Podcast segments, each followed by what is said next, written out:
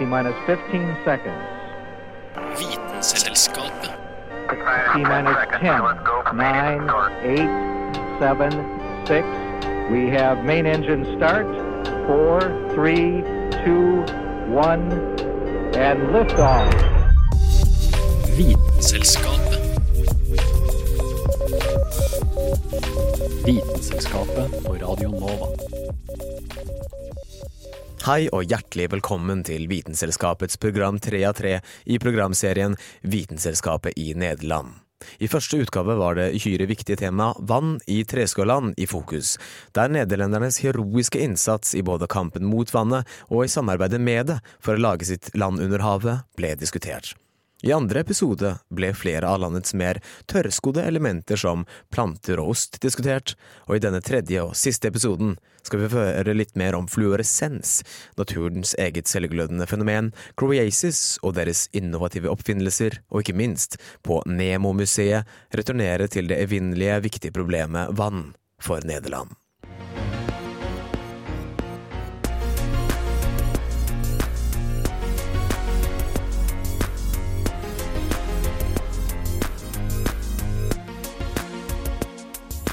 Vitenselskapet på Radio Nova. Fluoresens er en lysutsendelse fra kalde, ikke-glødende stoffer.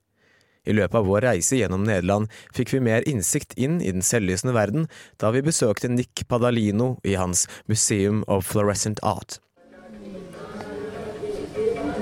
I hjertet av Amsterdam ligger det lille museet som lyser opp både dag og natt. Stappet full av mineraler og kunst som lyser av seg selv, med bare litt hjelp fra UV-stråler. I første etasje kan det se ut som en litt trang kunsthandel, men vi fikk bli med ned i kjelleren hvor museet holder til. Her ble vi guidet rundt av eieren Nick, som kunne svare på det mest brennende spørsmålet vi hadde. Hvorfor lyser ting i mørket? The impurities, like inside this rock over here, and the white rock is calcite, is one part per 4,000 of manganese. And when the manganese absorbs ultraviolet, it moves up to another orbit, and then it moves, every orbit of the atom has 8 to 12 suborbits. So it moves through suborbits by itself before it jumps back to the original orbit. And the little energy that lost in these suborbits is what you're going to see inside here. It's orange. That's what happens when it moves through the suborbits. It loses a tiny bit of energy, and when it has manganese, it turns orange or red. When it has manganese and lead, it turns green. When it has europium, it turns blue. So all these rocks have different impurities called activators, but a tiny, tiny amount, like one part per 3,000, one part per 4,000, exactly. If that has two parts per 4,000 of manganese, it's black when you put it under UV. That was discovered before electricity and before black lights in the 1890s by Becquerel in Paris. What they didn't teach you when I was in college in the 70s was that there's suborbits of the orbits. That's what I learned later when I was studying these minerals. Without the suborbits, nothing happens. Then it's just like white light. With white light, the electrons move up and they move down. They don't lose any energy. When it loses a little energy, that's called fluorescence. That's the Stokes law of fluorescence from 1853. The guy formulated that law. There was alchemists in the 1600s and 1500s that were looking at the colors in those rocks. They would put a hole in the wooden shutter, let one ray of sun enter the room, hold the crystal up to the sunlight, and fall on the rest. The rock turned blue, man. Videre kunne han også fortelle oss at selvlysende materialer lyser opp i forskjellige farger, avhengig av hva slags UV-lys man lyser på dem. De vanligste UV-lysene man bruker, er UVA og UVC, som respektivt blir referert til longwave og shortwave UV-lys, når han nå viser oss hvordan forskjellige steiner reagerer på de forskjellige bølgelengdene. Those are under a different type of UV. It's called shortwave UV. You don't put it in clubs. You don't put it in your house. It doesn't come through glass. If you open this glass door right now and you go in there, in one hour you'd be the same color as those red rocks down there. This is like sitting on the moon. That black light you just saw in clubs is like sitting on the beach. This doesn't come through glass. You don't see your fingernails or your teeth, but that's really powerful. Men hva er da på steiner som reagerer på UVA og UVC-lys? There's no difference. It's just the impurities inside. So some most impurities need stronger energy than the simple impurities they put inside of paint.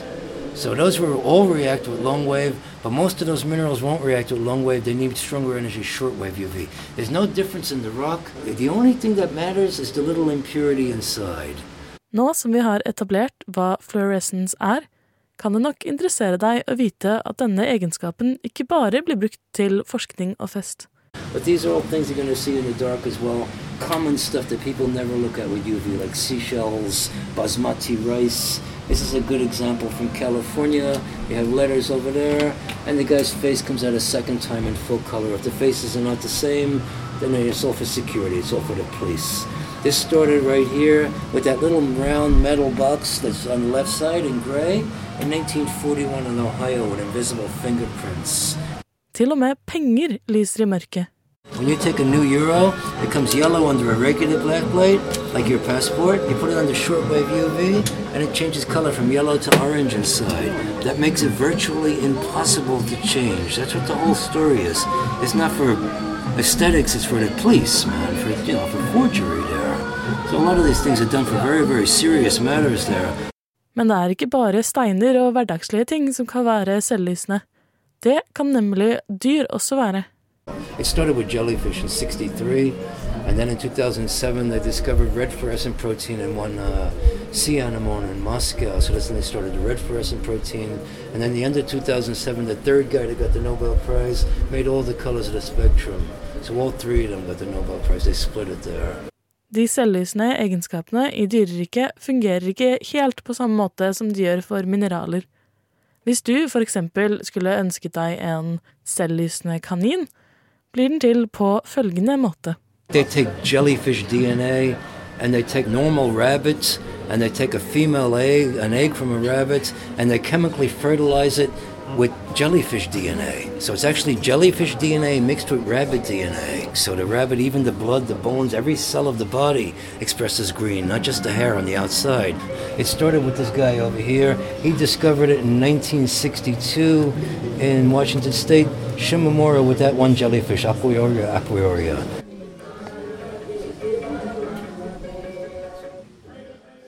De som dro på denne selvinnlysende reisen, var Carl Adams Kvam, Julianne Li Fjell og Alison Selby.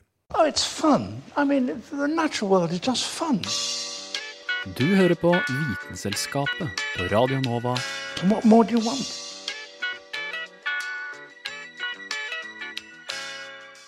Vi skal nå til Nemo Science Museum i Amsterdam, som er Nederlands svar til Teknisk museum i Oslo. Nå i høst har museet en utstilling som heter Waterworld, og som er delt i tre ulike stasjoner.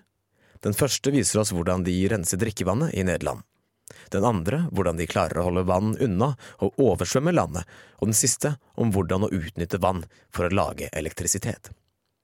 Vi skal nå til den første delen av utstillingen, som handler om rensing av drikkevann. My name's uh, Ludo Westerveld, and uh, I work at NEMO as a program developer at our exhibitions and program department. Uh, and I've been doing this for some three years now. We're now at the second floor of, uh, of our science museum, and um, floor by floor, we've uh, we thought of different teams to uh, to represent, and they're all uh, linked to uh, to technology, uh, science and technology. And in the second floor, um, there's a range of separate exhibitions, and they fall under one moniker, one grand theme, and it's called Technium, and that's about unraveling everyday technology. And then in this area that we're standing now, there's three exhibits about water. So combined, they are called Water World, and separately, they're called um, Purify Water, um, Battle Against Water, and Water Power. And uh, I would like to show you around these three now. Um, in the Purify Water exhibit, our aim is to demonstrate the method of river water purification and to create awareness about our own water use. And then on this first aim to demonstrate the method of river water purification, we would like the visitor uh, to go through this process step by step uh, in a playful manner, right? They take the buckets out, they collect rainwater, and then in eight steps, uh, they go through the process of water purification. And this process is the process you use. The process we use in the Netherlands and I think in other places in the world. And then in the Netherlands, um, we have to, since most of the water that we have available to us is in the rivers. And these rivers have come from across Europe and they've gone through different countries before they end up being in the Netherlands and then ending up in the sea. But that makes for this water to not be clean enough to just collect and drink or collect and use for washing or collect and use for so the water can be full of uh, germs can be full of pollution and full of chemicals.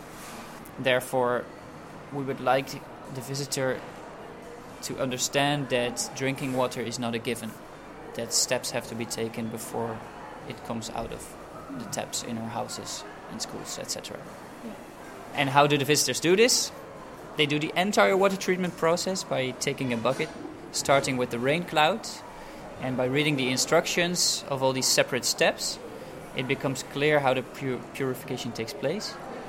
Um, and then, uh, for visitors who would like to know more, um, there's explanatory text and background information on the surrounding glass walls.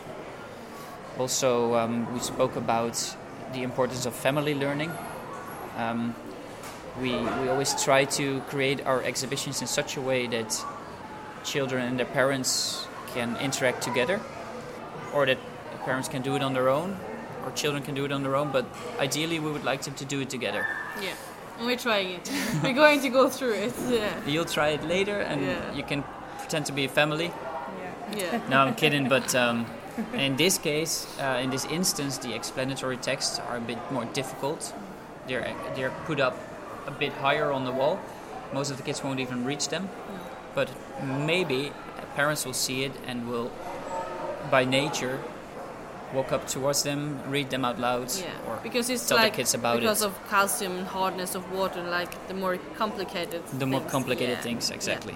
Yes. Vi skal tilbake til Nemo-museet senere i sendingen, men først skal vi til en nederlandsk nyskapning. En oppfinnelse som retter seg mot våre alles venn trærne. The whole idea of our water box is it is a, a cocoon around the tree, and this cocoon holds the water and gives the little drops to the tree, which is uh, in the soil. Oss har bevegd oss ut på landet, ikke langt fra grensa mellom Nederland og Belgia.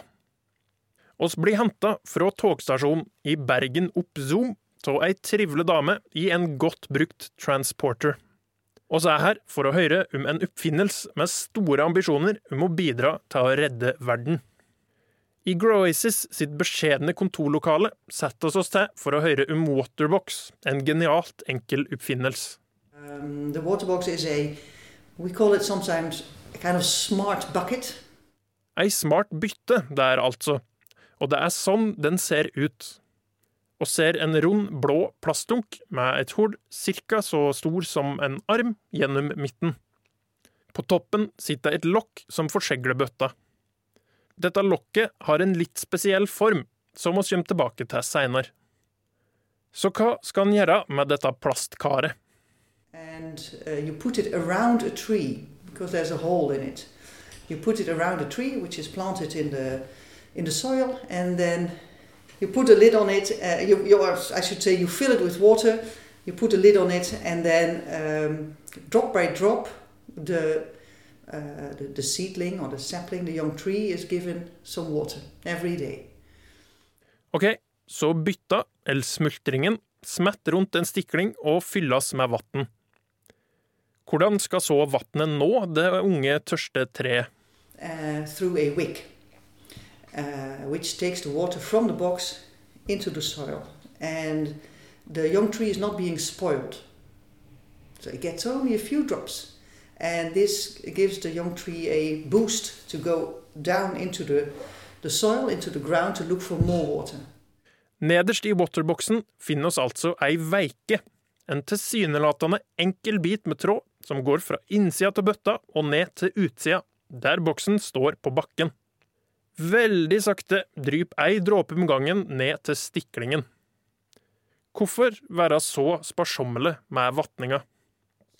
And this gives the young tree a boost to go down into the, the soil, into for more water.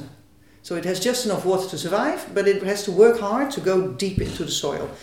And um, deep in the soil, there is water, either groundwater or capillary water. And uh, that is why the survival of the, the tree will be a lot better than, for example, when you use irrigation, because irrigation is always on the surface. So you give you spoil a plant, you give it water all the time on the surface, so the roots go to the surface. So if your ir- irrigation system breaks down, your roots will dry very quickly, and the plant will dry. Ned mot grunnvannet. Men det er jo ikke gjort på en dag for treet å komme dypt nok ned. Må en gå og etterfylle støtt og stadig? Water so you fill it up when you plant the seedling, but it also refills itself. It captures rainwater on the lid and also condensed water in the morning. So it refills itself. Det er her lokket med den spesielle formen jeg nevnte, kommer inn. Lokket er nemlig bretta på en spesiell måte. Se for deg hakkene i ei håndvifte hele veien rundt. Lokket heller inn mot midten, så vannet kan renne gjennom to hull i plastkaret, for så å sakte drype på treet gjennom veika. Den spesielle formen på lokket gjør det ideelt til å ikke bare fange regnvann, men òg luftfuktighet, som kan komme godt med i strøk der det sjeldent regner. Men plast er da ikke så bra for verden, og ikke det billigste alternativet heller. Growaces har råd, veslebror til Waterbox. Then we have also developed the grow box, and the grow box is a biodegradable plant cocoon. Growbox er logget til å gjenvunne papirmasse, men prinsippet er akkurat det samme. Litt og litt vann trenger gjennom bånden av pappkaret, men fordi det ikke er vanlig papp, går det gjennom veldig sakte.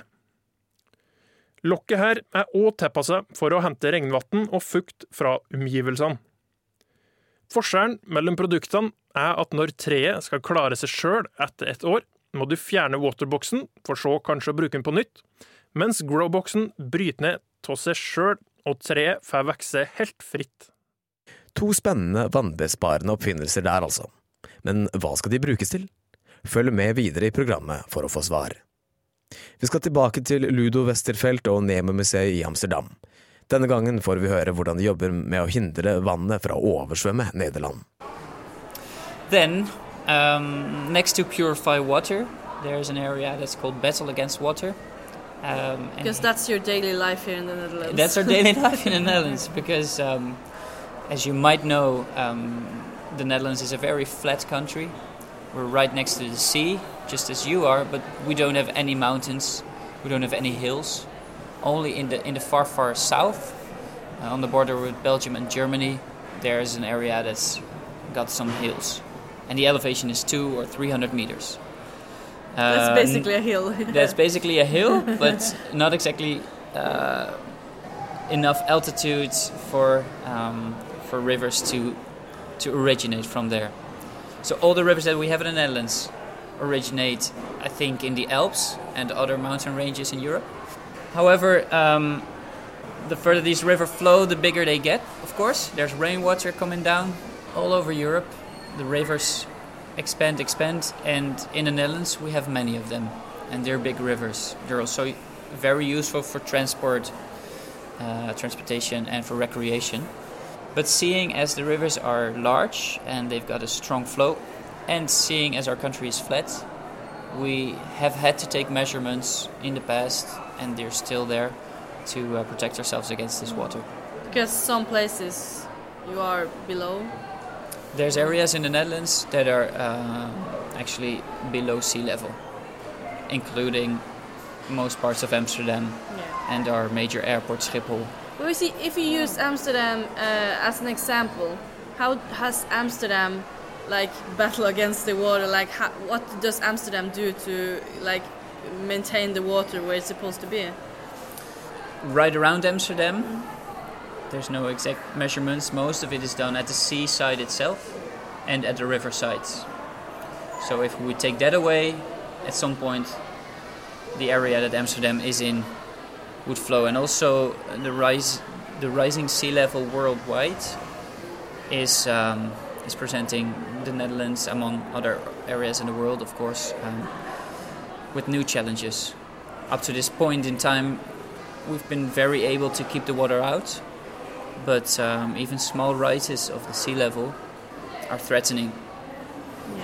You wouldn't say that Netherlands is Netherlands more fit to maintain the rise of the sea level in other countries because you are already so used to being so close to it like you have the tools and so That's a good question. I would find it hard to to comment on Yeah. the other areas in the world. I do know that expertise that's been been created in the Netherlands among other countries is is renowned worldwide. is is um, is used in other areas of the world. There's technical and um, industrial companies in the Netherlands whose techniques are being hired or used elsewhere. And yes, most likely this this originates from our country lying so low that we've had to deal with it ever since human beings Yeah. came here. For å illustrere hvor store utfordringer Nederland har med å holde vannet unna å oversvømme landet, har museet laget en simulasjon der vi får prøvd oss på å plassere pumper og sandsekker i et landskap for å stenge vannet ute fra byene. Det var lettere sagt enn gjort. Would you like to try? Yeah. Okay, where do I start? So if I remove this? Do you remove all of this? No, jeg tror vi må Hvor starter jeg da? The, ri- the rivers Oh, are here. okay, so we need to So, take so away you this. best start with um, Okay, with protecting the rivers from flooding, such as Oh, okay. Oh, okay, yeah, so this pump takes the water from here up here. You're facing a big challenge. The the crowd from uh, from yesterday has left it in a in a, in a terrible state. Okay. And right now, the, almost the entire country is flooded. So oh, yeah, because I'll see- I'll it see you needs in to 30 look like minutes. this, Yeah. okay, so we need to like pump this from here. But now we are here. What's this? Okay, now I'm beginning to understand this. You need to pump. Now we need to pump this. Now it's coming here. Should I? we, s- we still have an opening in this dam. So you should strengthen it. Strengthen. It's So uh, you you do you're doing great. We've we've emptied this area, and the city is starting to appear. Yeah. And then this this higher area is now being emptied by you because you've put the pumps in place. However, I can still see some some flooding from both rivers. Ja, der fikk jentene noe å bryne seg på, men etter hardt arbeid klarte de nesten å lage gode nok demninger og plassere pumpene bra nok til å hindre byene fra oversvømmelse. Vi skal tilbake til Ida og Aurora på Nemo-museet mot slutten av sendingen. Nå skal vi tilbake til Groyaces, selskapet med vannboksen. Som lovet kommer her mange eksempler på hvor og hvordan boksen blir brukt, så det er bare å holde tunga rett i munnen. The, the, the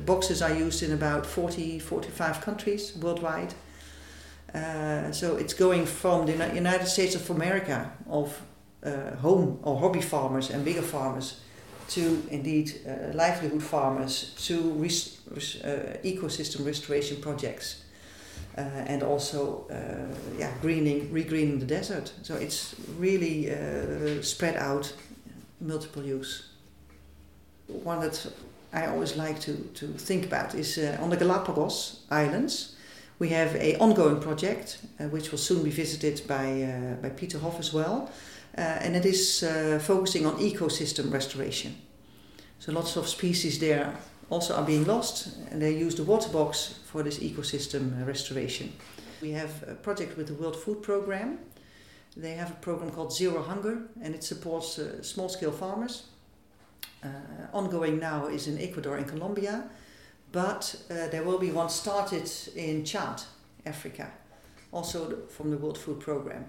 Uh, quite a few uh, projects in the, the, the, the areas of uh, Dubai and uh, Abu Dhabi, which is not directly related to food, but that is related, in fact, to pushing back the desert. So they're planting not only trees but more shrubs, so to regreen areas around uh, roads, etc. Um, so that is a, different use. And we also, for example, have a, a project, I think it was in Israel or in that region, where uh, grapes were planted in uh, city areas, so in city gardens. Um, so yeah, it's it's spread all over the world. Uh, also in China, we have a project uh, which is quite inspiring. They did a lot of uh, and still do a lot of mining, uh, open uh, air mining. Uh, of course, leaving the environment in a very bad shape. But Chinese government has the intention to improve their ways, and so they also have reforestation projects around these mines to regenerate the soil and to give back uh, yeah, the possibility to grow trees, etc. So also in the area of Wuhan in China we have a project. Dette bare noe av det Waterbox og Growbox har blitt brukt til. Tusen takk til Kristel Schipforst for at hun tok seg tid til å snakke med oss. Mannen bak innslagene heter Carl Adams Kvam. Tilbake til Neomuseet skal vi høre hvordan man kan bruke vann til å lage energi, selv om dette ikke er noe de vanligvis praktiserer i Nederland. I mellomtiden har Ida også rukket å teste ut en installasjon der hun måtte fange vann med et lite vannhjul for å lage nok energi til å få en Barbie-dukke til å spinne. Yes, the last exhibit. Which is an exhibit that doesn't like reflect what you have here in the Netherlands. Exactly. Which And is the- funny. Yeah. And then we still we've still made it or, or we still display it because Yeah. we find it important and we think it's an important uh, technology to, to show. Mm. It's called water power with the purpose to generate energy with the help of running water.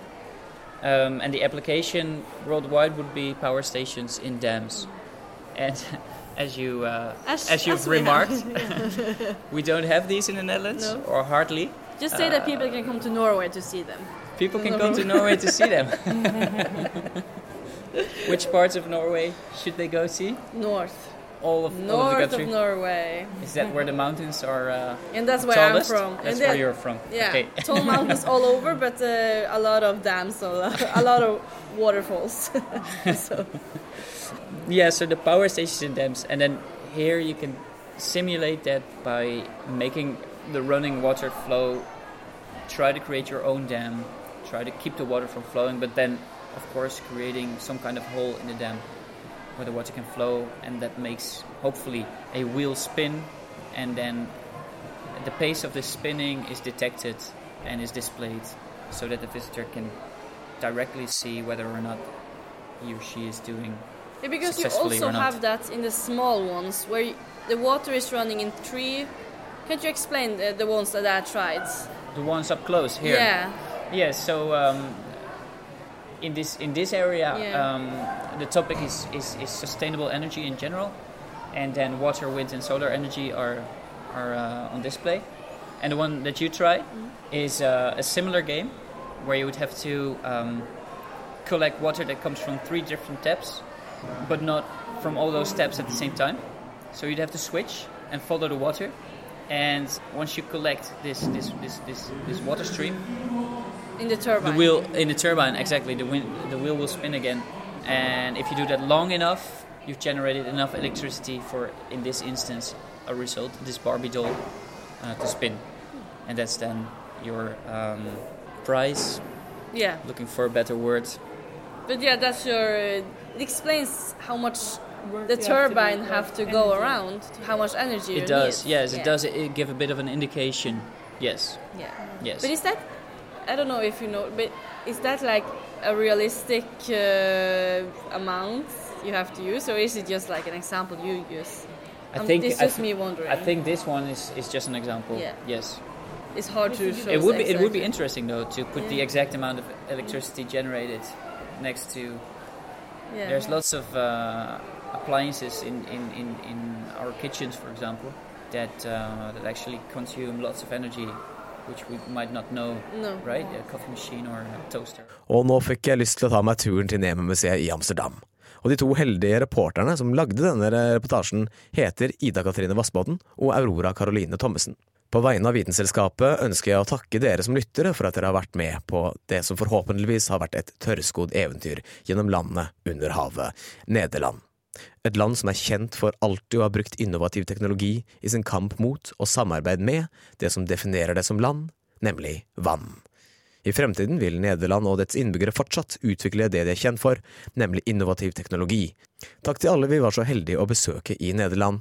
Mitt navn som deres programvert har vært Dag August Schmedling Dramer.